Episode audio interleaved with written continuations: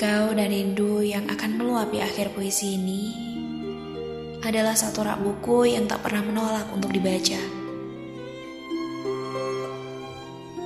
Serupa langit yang selalu menerima perasaan yang dibuang di jalanan, tercecer di bangku taman, atau yang pergi ke tempat-tempat jauh.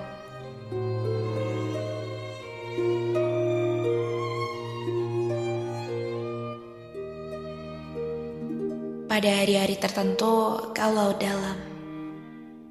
Dan aku hanya ikan kecil yang menari untuk diri sendiri. Siripku dan arusmu terlalu penakut untuk saling meninggalkan.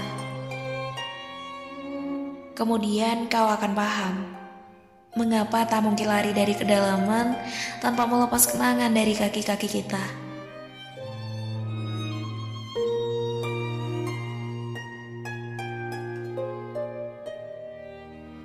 Sesekali langit menjadi kau, dan layang-layang menjadi aku.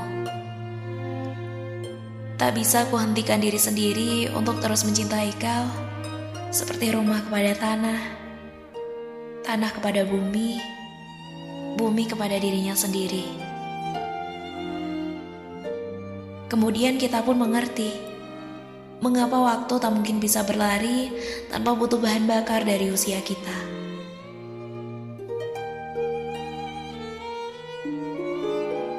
Hari ini kau menjadi sebuah puisi. Dan aku sebagai anak kecil yang sedang belajar membaca. Tak kutemui apa pun dari balik punggungmu selain ingatan yang tumbuh bagai belantara. Kemudian aku mengerti mengapa tak mungkin Tuhan mencintaiku tanpa aku cintai kau lebih dulu. Ibu,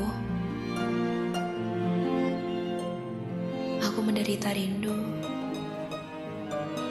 kepadamu.